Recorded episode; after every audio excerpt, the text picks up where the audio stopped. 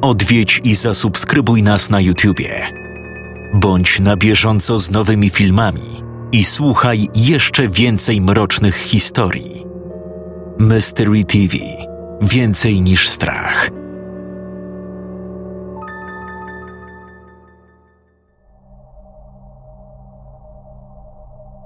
Na temat lasu w mojej wsi przez lata narosło mnóstwo legend i historii, którymi dzieciaki straszą się nawzajem, a dorośli nerwowo ucinają każdą próbę poruszenia jakiejkolwiek rozmowy z nim związanej.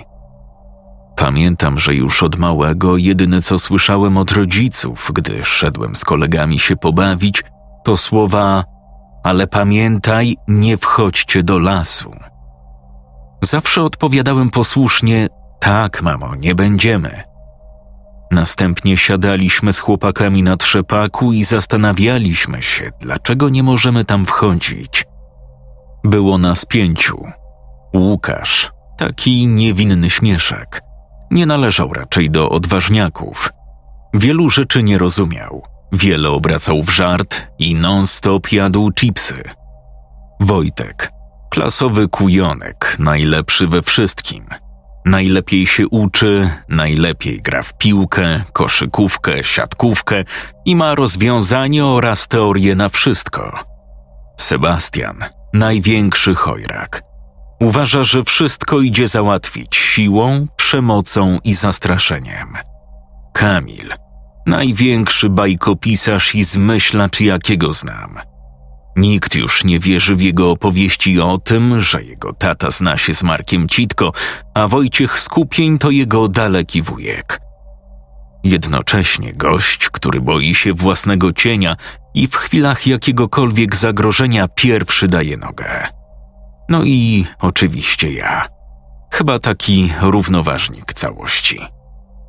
Zatem było nas pięciu i każdy z nas przedstawiał inną wersję wydarzeń zasłyszaną w swoim domu od rodziców, starszego rodzeństwa, dziadków albo wujków. Podobno ten las jest tak gęsty, że jak do niego wejdziesz, to nie ma szans, żebyś wyszedł. Ta, na pewno. A jak wejdę tylko na metr i będę szedł na jego skraju, to co, też nie wyjdę?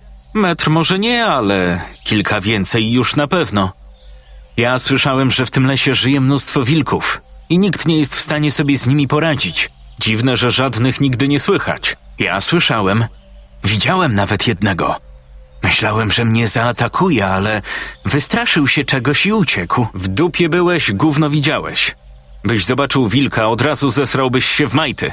No ale w nocy słychać tam przecież te takie dziwne piski. Niosą się echem na pół wsi, no bo to ptaki debilu. Nietoperze, sowy i takie tam. Od kiedy nietoperze i sowy wydają takie dźwięki? A co to, mało innego chujostwa mieszka w tym lesie? Różne są ptaki i być może któreś tak właśnie piszczą. A wy co, tacy nagle znawcy ptaków? A ja to myślę, że tam mieszka jakiś potwór. Jaki potwór? No nie wiem. Ale jak wytłumaczyć to, że nigdy nie możemy się tam bawić? Ani że nawet dorośli tam nie chodzą? Wszyscy unikają tego miejsca. Nikt tam nie wchodzi. Może boją się tych wilków? Jakich wilków? W tym lesie nie ma żadnych wilków. Przecież wilki wyją. A gdyby tu były jakiekolwiek wilki, to co, nie słyszelibyśmy wycia? Wojtek, słyszałeś chociaż raz wycie? Mieszkasz najbliżej lasu. Nie, nigdy. No ale może dlatego, że wcześniej się kładę, a wilki wyją raczej późną nocą. Ale piski słyszysz? No, słyszę. I to tylko potwierdza, że może żyć tam potwór. Mógł zjeść te wilki. Albo wystraszyły się go i po prostu pouciekały. Ale tych pisków jest sporo, więc raczej nie wydaje ich z siebie jeden potwór, tylko po prostu jakieś stado ptaków. Dobiegają z różnych stron lasu i tyle. A może ten las to jakieś przejście do innego wymiaru. Czyli? No, że jak do niego wejdziesz, to już stąd nie wyjdziesz, bo wyjdziesz w zupełnie innym miejscu. No, oczywiście, że tak. W sąsiedniej wsi. A mi to braciak powiedział, że tam UFO ląduje. Debil. Chyba w waszej chacie wylądowało. Nikt z nas przez długi czas nie odważył się wejść do lasu. Najbliższa odległość, na jaką się do niego zbliżyliśmy, mogła wynosić jakieś 100 metrów. Przede wszystkim nie chcieliśmy narażać się rodzicom, bo doskonale wiedzieliśmy, w jaką wściekłość by wpadli, gdyby dowiedzieli się, że którykolwiek z nas podszedł chociażby na metr do ściany drzew. Poza tym, mając wtedy siedem lat, naprawdę wierzyliśmy w każdą bajkę o wilkach, UFO lub potworach. Teoretycznie będąc razem, każdy się z tego śmiał, jednak gdy dzień dobiegał końca i musieliśmy wrócić do domu, czuliśmy nerwowe napięcie. Zerkaliśmy dookoła, czy przypadkiem na ulicach nie biega jakiś wilk lub inna bestia. Wracaliśmy do domów, a nasze mamy lub ojcowie pytali nas, jak było? Trzymaliście się z dala od lasu? Nikt nigdy nie tłumaczył nam tak naprawdę o co chodzi z tym miejscem i dlaczego w ogóle mamy się do niego nie zbliżać. Po prostu tak miało być i koniec. Nie wiem, czy pamiętacie swoje dzieciństwo i zdawkowe odpowiedzi dorosłych. Czy was tłumaczenie nie, bo nie zadowalało? Nas niestety nie. I zamiast trzymać naszą uwagę jak najdalej od tego tematu, tylko ją ku niemu przyciągali. Pamiętam, jak którejś nocy nie mogłem zasnąć. Przewracałem się z boku na bok, mimo że pora była już naprawdę późna. Moi rodzice leżeli już w swojej sypialni. Światło było zgaszone, więc w całym domu panowała ciemność. Rozświetlał ją jedynie blask księżyca wpadający przez okna. Usłyszałem stłumione odgłosy ich rozmowy. Jak to dzieciaka? Zainteresowało mnie, o czym rodzice mogą szeptać o tej porze.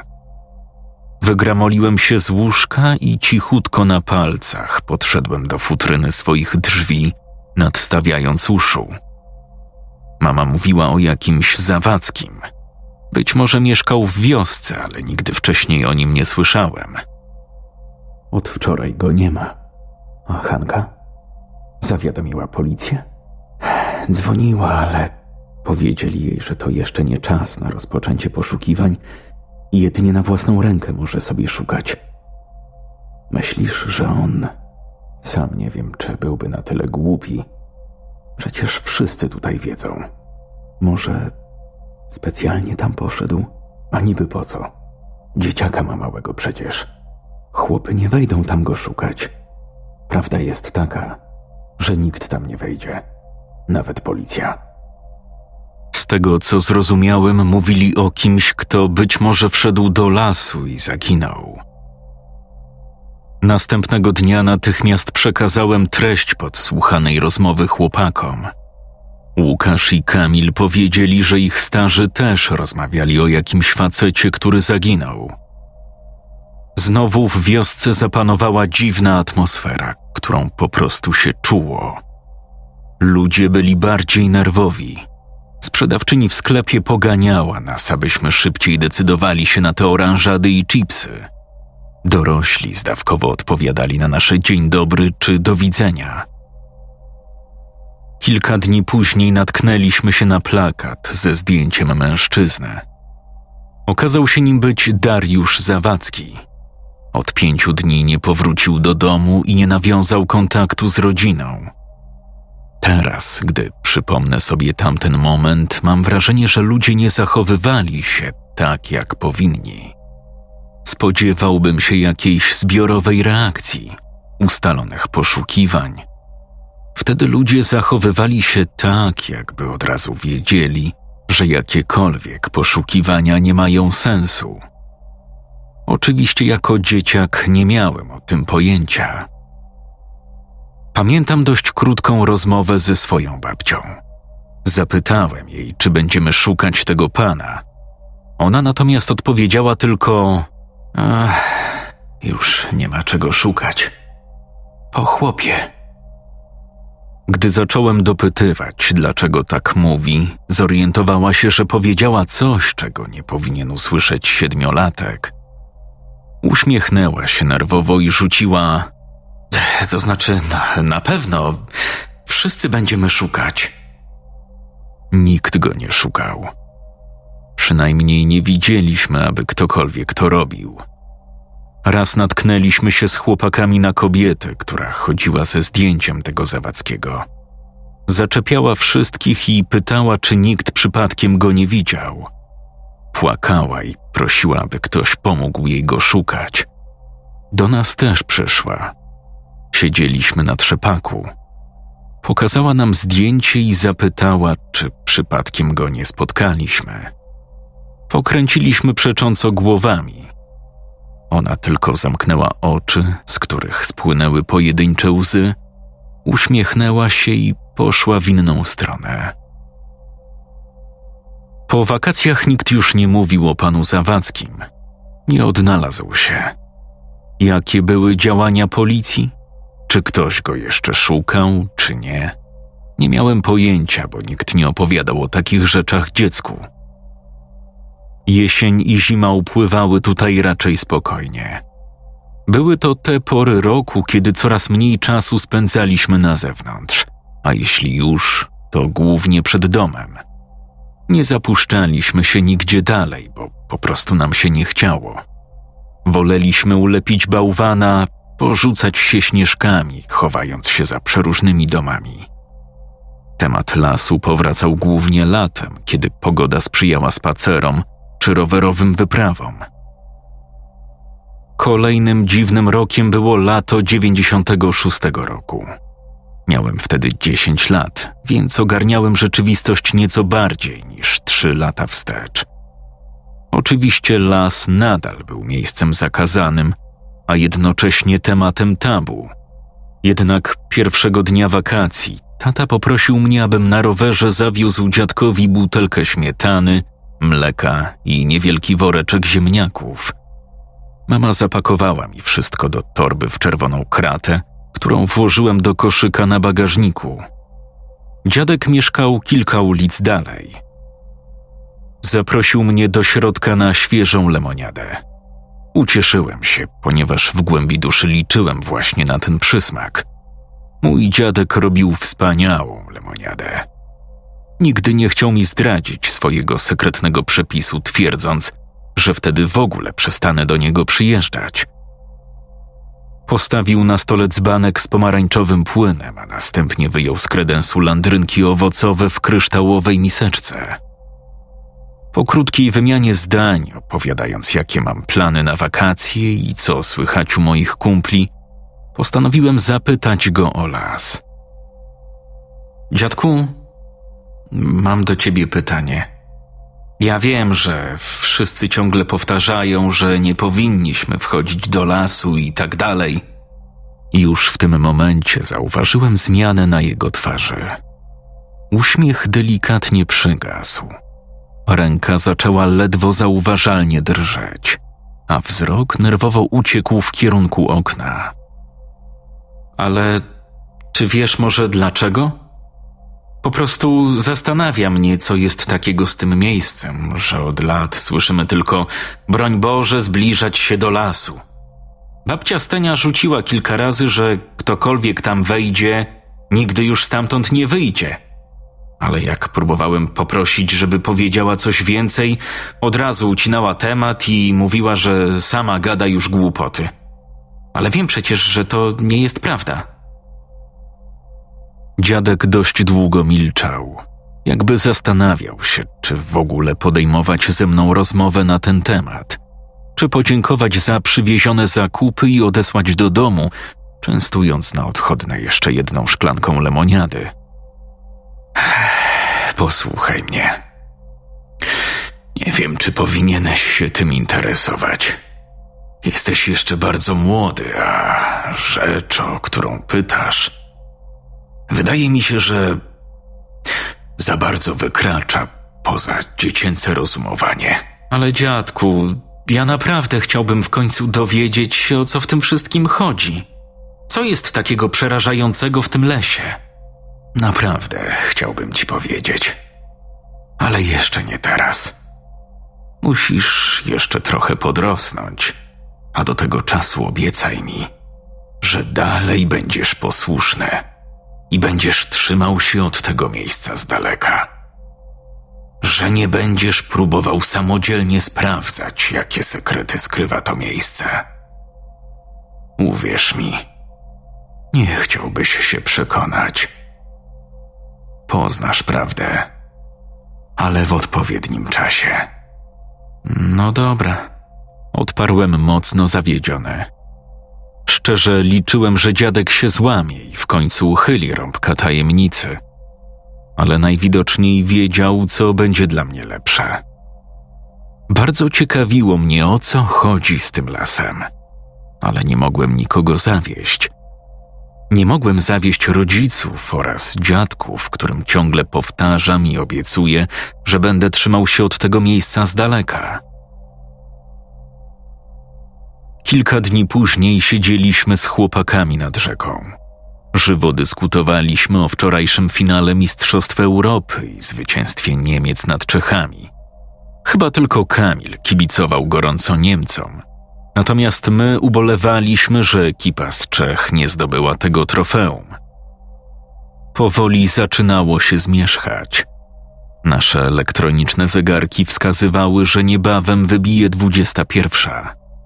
Mieliśmy zamiar zacząć zbierać się do swoich domów, gdy usłyszeliśmy stłumione głosy, jakby ktoś krzyczał gdzieś w wiosce. Po chwili głosów było więcej i co róż dochodziły kolejne. Spojrzeliśmy po sobie, nie mając bladego pojęcia, co się takiego dzieje. Lecz jednego byliśmy pewni. Musimy wiedzieć, co się dzieje. Natychmiast zerwaliśmy się na równe nogi i biegiem pędziliśmy w kierunku, z którego dochodziły głosy. Niosły się echem dookoła, dlatego początkowo ciężko nam było zlokalizować ich źródło. Im bliżej centrum wioski byliśmy, tym bardziej głosy stawały się wyraźne. Po chwili wiedzieliśmy dokładnie, gdzie biec, aby znaleźć się w centrum wydarzeń. Dotarliśmy pod jedyny w wiosce sklep spożywczy. Od razu zauważyliśmy spory tłum ludzi. Nie widzieliśmy dobrze, co się dzieje. Słyszeliśmy natomiast kobietę, która płakała i kilka innych osób, które próbowały ją uspokoić. Staraliśmy się przepchać między stojącymi ludźmi, aby cokolwiek zobaczyć. W końcu nam się udało od razu rozpoznaliśmy płaczącą kobietę. To była mama Sebastiana. Mamo, co się stało? Sebastian krzyknął i podbiegł prosto do matki. Ta natychmiast go przytuliła, zanosząc się jeszcze większym szlochem. Serce biło mi już jako szalałe. Zabierzcie ich do domu! W tej chwili i tak niczego nie zrobimy! usłyszałem głos jakiegoś mężczyzny. Mama Sebastiana zaczęła krzyczeć, że musi znaleźć Tadeusza. Tak miał na imię tata Sebastiana. Chłopak spojrzał na nią z załzawionymi oczami. Mamo, co się stało, tacie? Mamo! Nie wiem czemu, ale poczułem, jakbym sam miał się za chwilę rozpłakać. Nogi zaczęły mi delikatnie drżeć. Spojrzałem na chłopaków, ale wyglądali dokładnie tak samo. Strach malował się na ich twarzach. Jacyś mężczyźni podeszli do Sebastiana i jego mamy. Objęli ich i siłą zabrali ze środka tego zbiegowiska. Adam! Adam, natychmiast z nami do domu! To była moja mama. Rodzice Kamila, Wojtka i Łukasza też wyłonili się z tłumu, wołając każdego z nich do siebie. Pożegnaliśmy się jedynie machnięciem ręki, po czym każdy z nas ruszył ze swoimi rodzicami do domów. W drodze powrotnej się nie odzywałem. Po prostu czułem, że nie jest to odpowiedni moment. Gdy tylko przekroczyliśmy próg domu, mama rzuciła dość oschłym tonem – w kuchni masz przykryte kanapki. Zjedz, umyj się i do łóżka. Możesz jeszcze poczytać, ale nie siedź za długo. Mamo, co się stało? To nie jest temat dla ciebie, synu. Czy coś się stało z tatą Sebastiana? Po prostu idź zjedz kolację.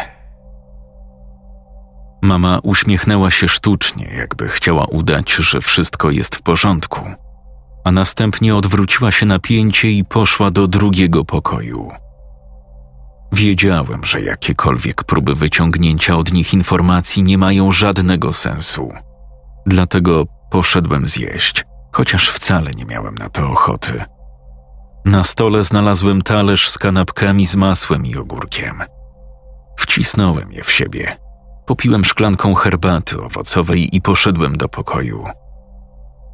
Gdy leżałem już w łóżku, próbując zasnąć od dobrych kilkunastu bądź kilkudziesięciu minut, wpatrując się w oświetlony blaskiem latarni sufit, usłyszałem swoich rodziców. Rozmawiali bardzo cicho.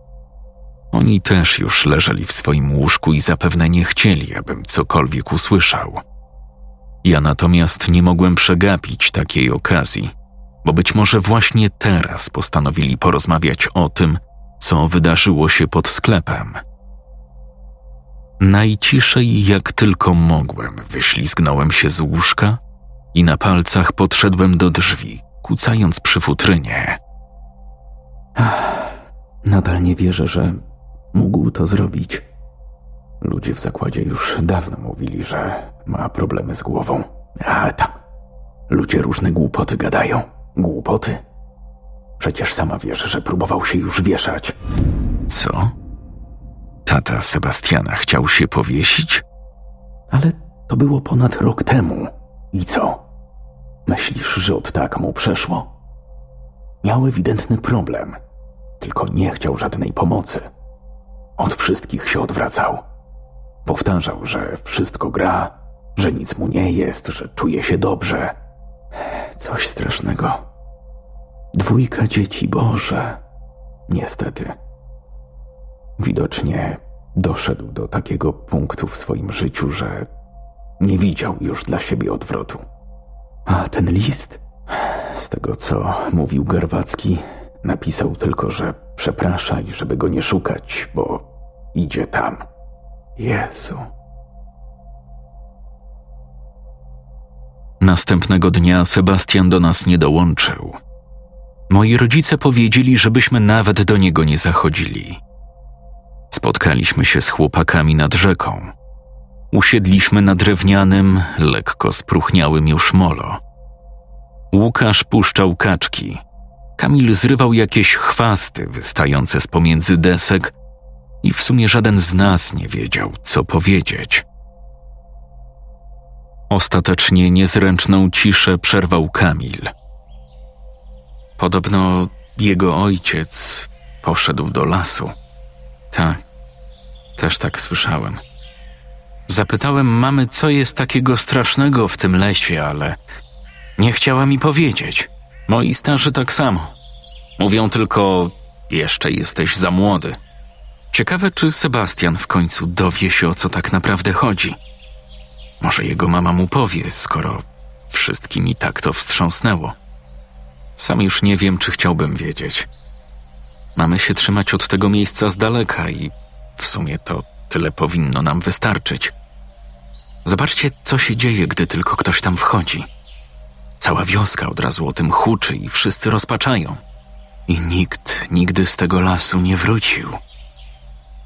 Jak się później okazało, Sebastian nie dowiedział się, dlaczego nie wolno wchodzić do lasu, ani dlaczego jego ojciec to zrobił. Tak naprawdę nie wiedział nawet, co się z nim stało. Czy żyje? Wyjechał? Zostawił ich? Wiedział tylko, że poszedł do lasu. Ale co to tak naprawdę oznacza? Poszedł do lasu, znaczy umarł? Wiedział tyle samo co my, a może nawet mniej.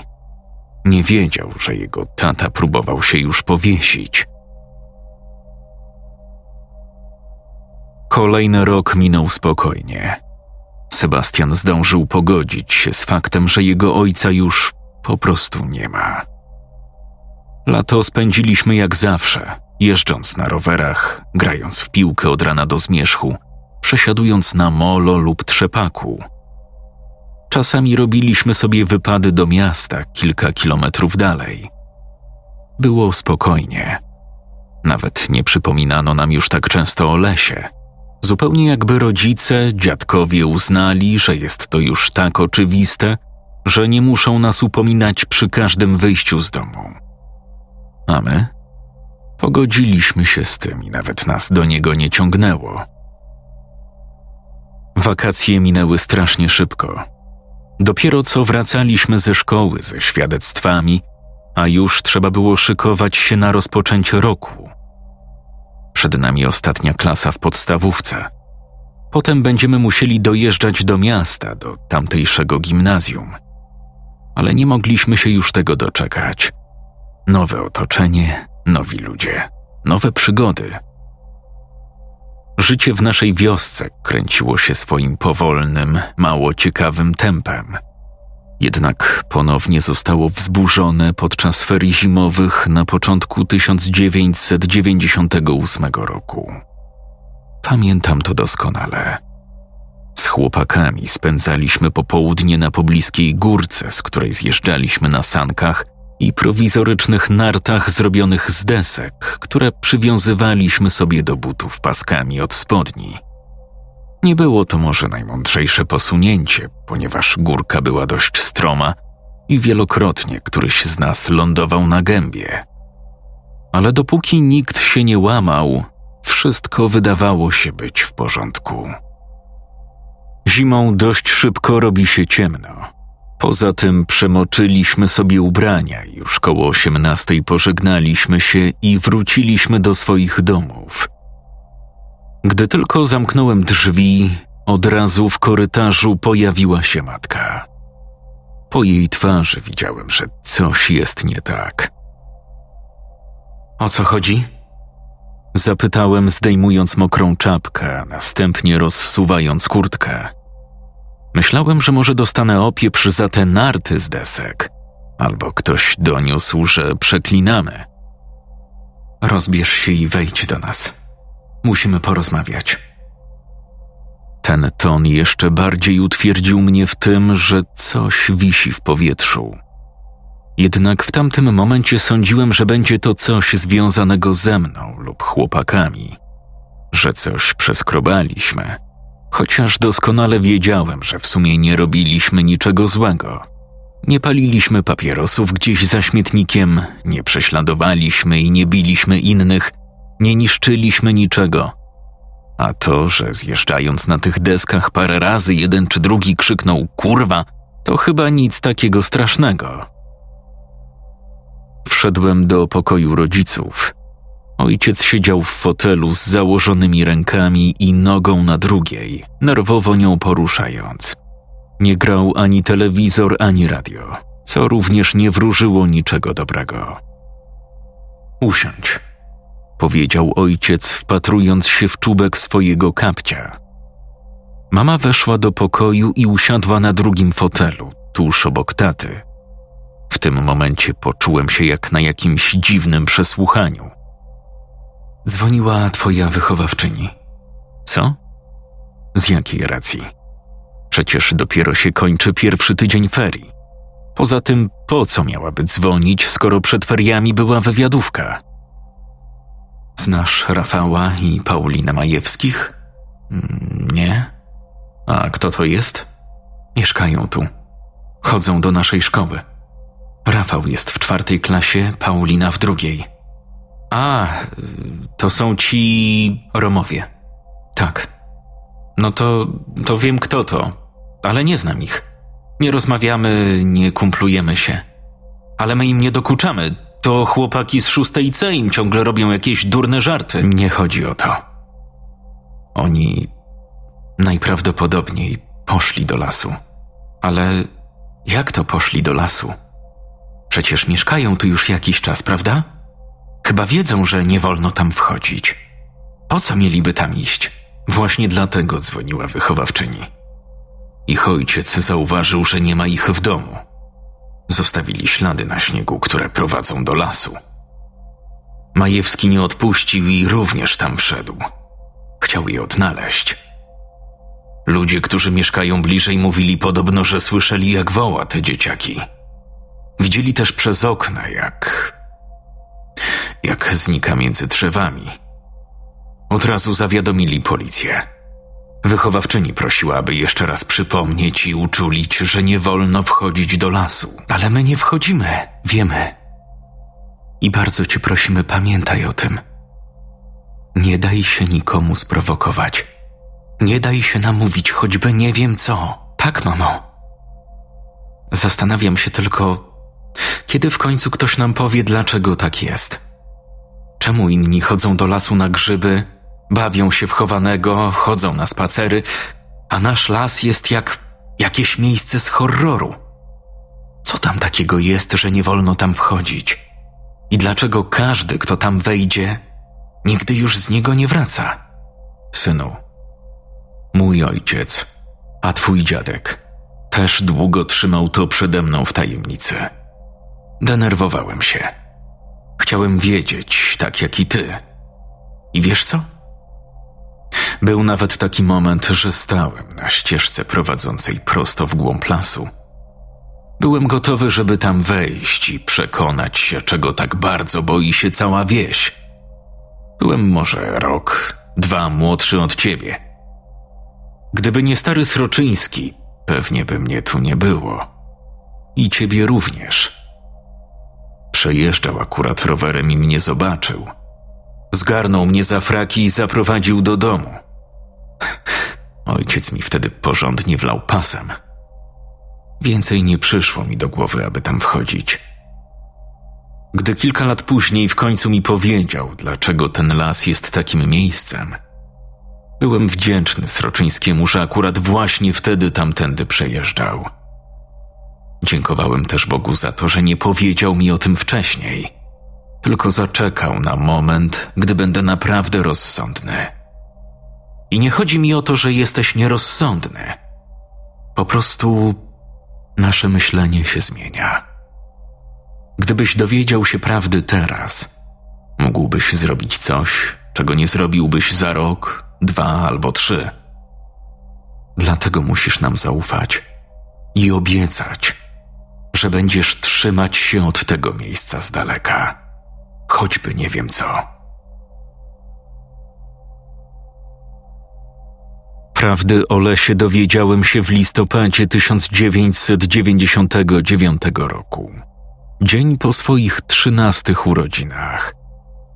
Dziadek, wręczając mi kopertę ze stuzłotowym banknotem w środku, pochylił się nade mną i szepnął na ucho, abym jutro wpadł do niego na ciepłą herbatę. Oczywiście wtedy nie miałem pojęcia, w jakim celu mnie zaprasza – Robił to na tyle często, że nie traktowałem tego jakoś szczególnie wyjątkowo i nie zastanawiałem się, czemu ma służyć ta wizyta. To była sobota. Zjadłem obiad, kotlety mielone z mizerią, po czym oświadczyłem rodzicom, że idę do dziadka. Mama kazała mi wrócić przed dwudziestą, co oczywiście potwierdziłem – Ubrałem się ciepło, ponieważ zima w tym roku przyszła wyjątkowo szybko i za oknami leżała już spora warstwa śniegu. Spacer zajął mi kilkanaście minut i o dziwo zdążyłem zmarznąć. U dziadka natomiast było wręcz za gorąco. Nie szczędził drewna do komina i gdy tylko przekroczyłem próg domu, od razu uderzyła mnie fala ciepła i przyjemny zapach – Mama zadzwoniła i powiedziała, że już idziesz, dlatego zdążyłem zaparzyć herbatę. Zrobiłem taką specjalną, jak świętej pamięci babcia robiła.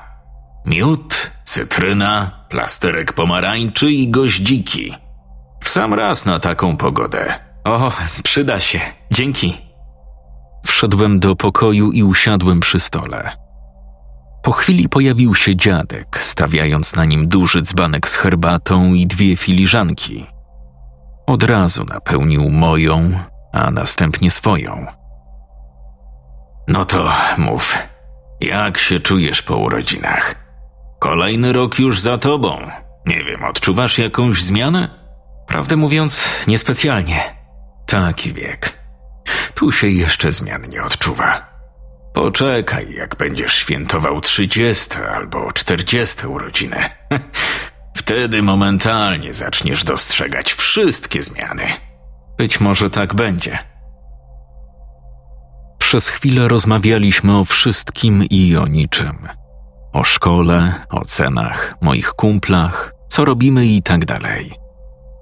Nie wiem czemu, ale gdzieś w środku czułem, że ta rozmowa jest inna. Nie jest do końca szczera i nie jest taka jak zawsze. Wiedziałem, że coś innego jest na rzeczy. No i jak się bardzo szybko okazało, miałem rację. Posłuchaj, zaprosiłem cię do siebie, ponieważ moim zdaniem powinieneś w końcu poznać tajemnicę naszego lasu. Przyznam szczerze, że momentalnie poczułem gęsią skórkę.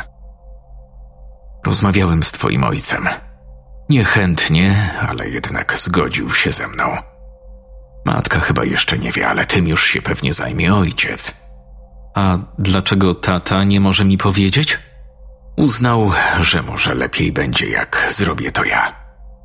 Może dlatego, że znam tę historię lepiej od niego, ponieważ rozgrywała się niemal na moich oczach.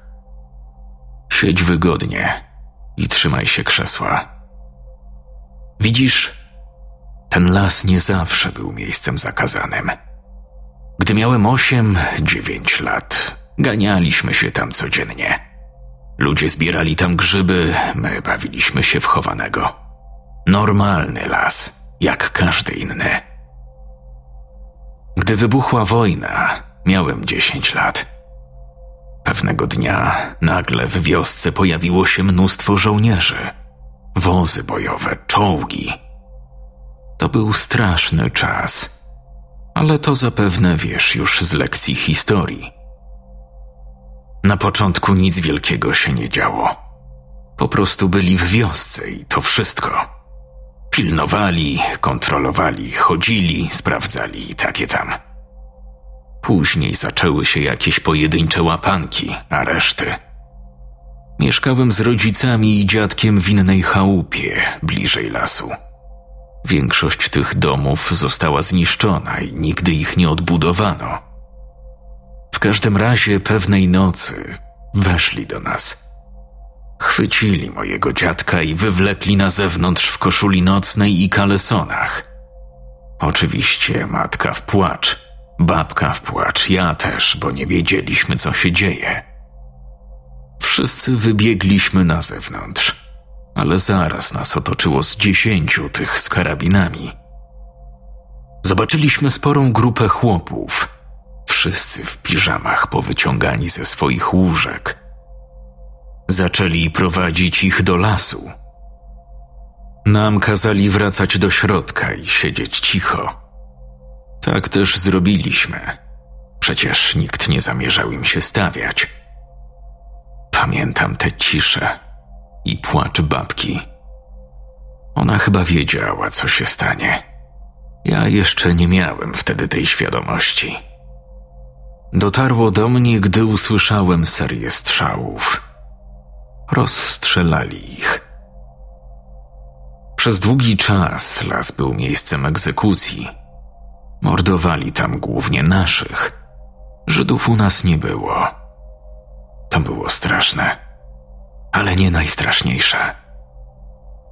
W 43 przyjechało tutaj dwóch lekarzy – w budynku obecnej szkoły, która też była odbudowana i rozbudowana, wcześniej to był taki drewniany barak, zrobili coś na wzór szpitala, ale ze szpitalem nie miało to nic wspólnego. Twierdzili, że będą opracowywać jakiś lek, nie wiem jednak jaki. Podobno szukali ochotników, kobiety, mężczyzn jak leci. W zamian oferowali spokój jak możesz się domyślać, chętnych nie brakowało. Pierwsza seria ich eksperymentu była bardzo szybka i zdecydowanie nieudana. Dwudziestu ochotników zginęło w ciągu doby. Dziesięć kobiet, dziesięciu mężczyzn. To spowodowało, że do kolejnego naboru chętnych było zdecydowanie mniej. Nie wiem dokładnie, co oni tam robili. Nikt nie wiedział. Każdym razie prowadzili te swoje eksperymenty prawie dwa lata, niemal do zakończenia wojny. Część ludzi wracała do domu po kilkudniowym pobycie w tym szpitalu. Część umierała. Jednak tak naprawdę mieli oni zupełnie inny cel. Nad czym dokładnie pracowali? Tego tak naprawdę nikt nie wie. Pewnej nocy ludzie mieszkający w pobliżu usłyszeli dziwne wrzaski, krzyki, które były wręcz nienaturalne, nieludzkie. Wszyscy w strachu i panice podbiegli do okien. Zobaczyli tylko, jak z tego szpitala dziesiątki żołnierzy wyprowadza siłą związane jakimiś łańcuchami, podobne do ludzi istoty. Tak, istoty. To już nie byli ludzie. Ci, którzy jakimś cudem dostrzegli te kreatury, opisywali, że były wysokie, o wiele wyższe od żołnierzy. Nie miały na sobie ubrań miały jakieś takie dziwne, nienaturalne kształty. Szerokie ramiona, ręce, wydęte brzuchy, szeroka klatka piersiowa. Natomiast nogi i talia bardzo wąskie, niemalże jak jakieś gałązki. Jakimś sposobem wpakowali kilkanaście takich zdeformowanych ciał na ciężarówki i wywieźli właśnie do lasu. Jeszcze w trakcie wojny pobudowali tam coś na wzór więzienia. Przewozili tam chłopów, zamykali i przetrzymywali przez jakiś czas, torturując, zanim ostatecznie dokonywali egzekucji.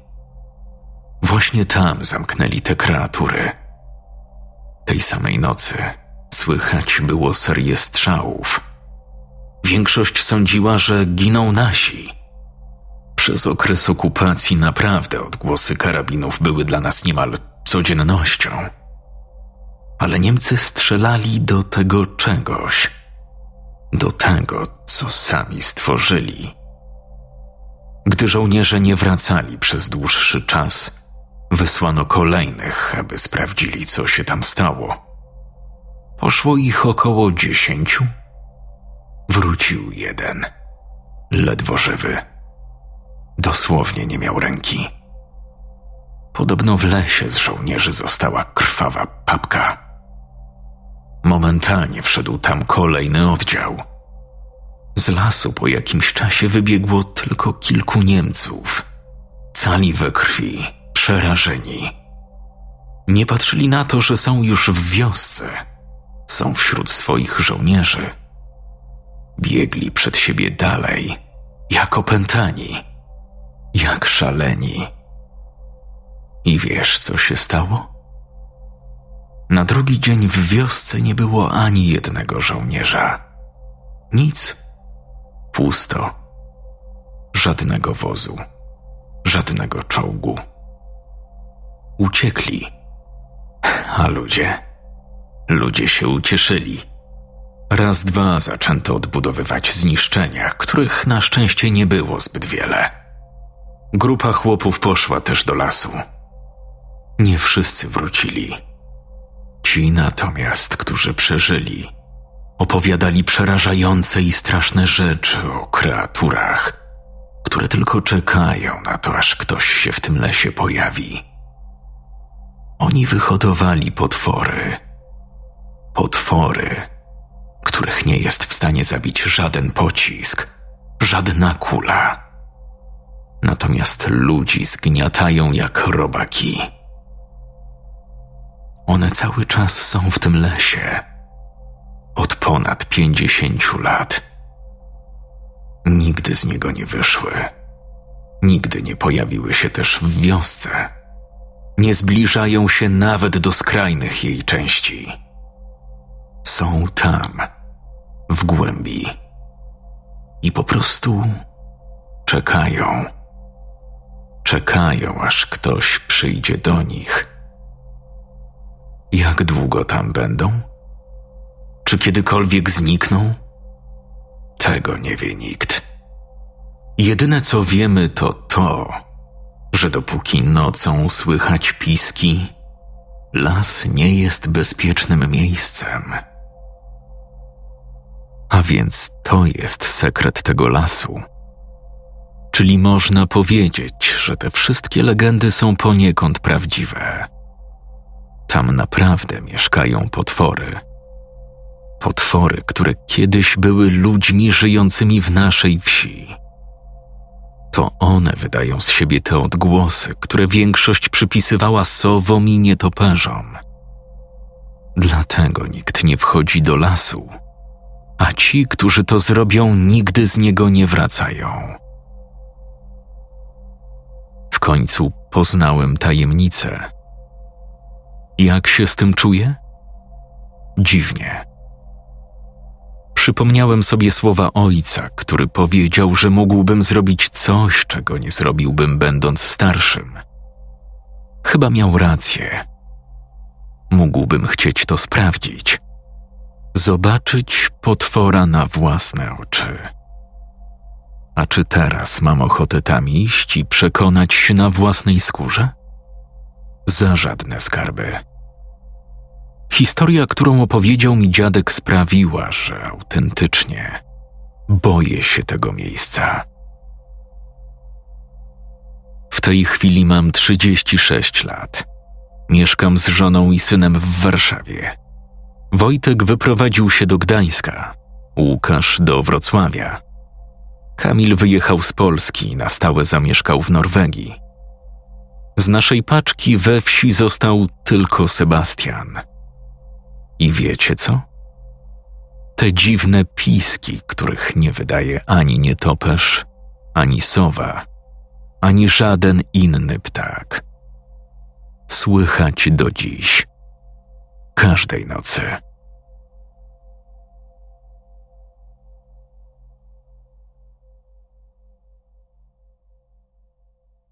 Czytał Jakub Rutka.